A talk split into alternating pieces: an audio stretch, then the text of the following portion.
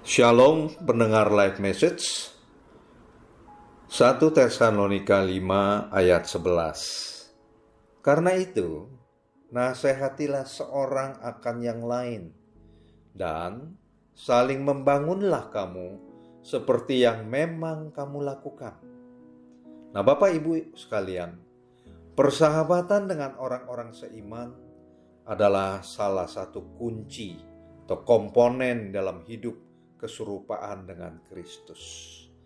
Tanpa keterhubungan kita dengan teman-teman seiman yang kita peroleh dari kehadiran di antara komunitas semacam ini, kita bisa kehilangan banyak keuntungan atau manfaat sebagai orang percaya.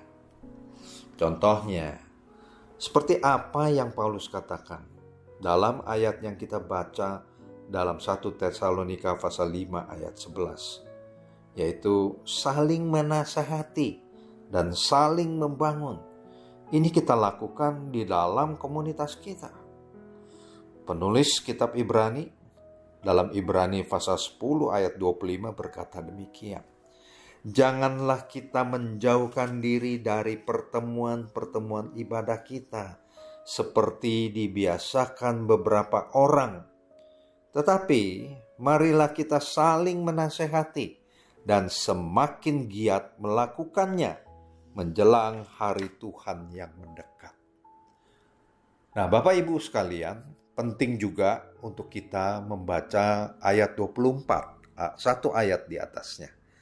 Dan marilah kita saling memperhatikan supaya kita saling mendorong dalam kasih dan dalam pekerjaan baik.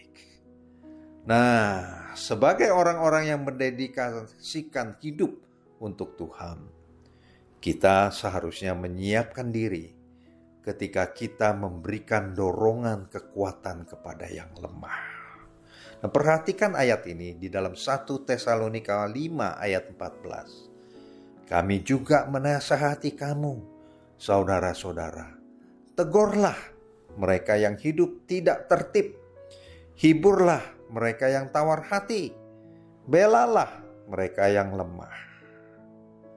Bapak Ibu sekalian, kita semua bisa melakukan di dalam komunitas kita dan semakin hari semakin giat di dalam Tuhan. Nah, komunitas ini sangat penting bagi kita untuk saling mendorong, saling memberi nasihat dan jangan lupa Bapak Ibu diberikan otoritas oleh Tuhan untuk menegur mereka yang hidupnya tidak tertib dan menghibur juga mereka yang tawar hati. Nah, yang terakhir yaitu di dalam 1 Tesalonika 5 ayat 15. Firman Tuhan berkata demikian.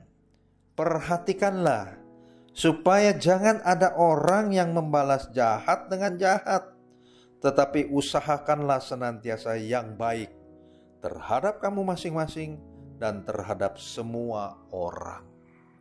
Jadi harus kita lakukan segala sesuatu demi kepentingan orang lain. Dan kepentingan orang lain ini harus kita letakkan di atas daripada segala kepentingan kita.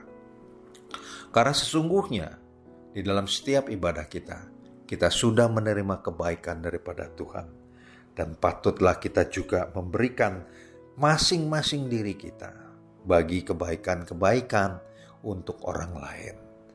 Nah, di dalam tahun 2024 ini, mari terus mendekat kepada Tuhan, melekat kepada Tuhan.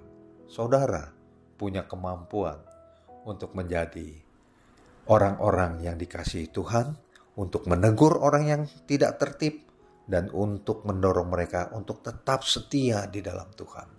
Dan ini semua tugas yang kita lakukan di dalam komunitas kita masing-masing dan semakin hari komunitas kita ini akan semakin bertumbuh.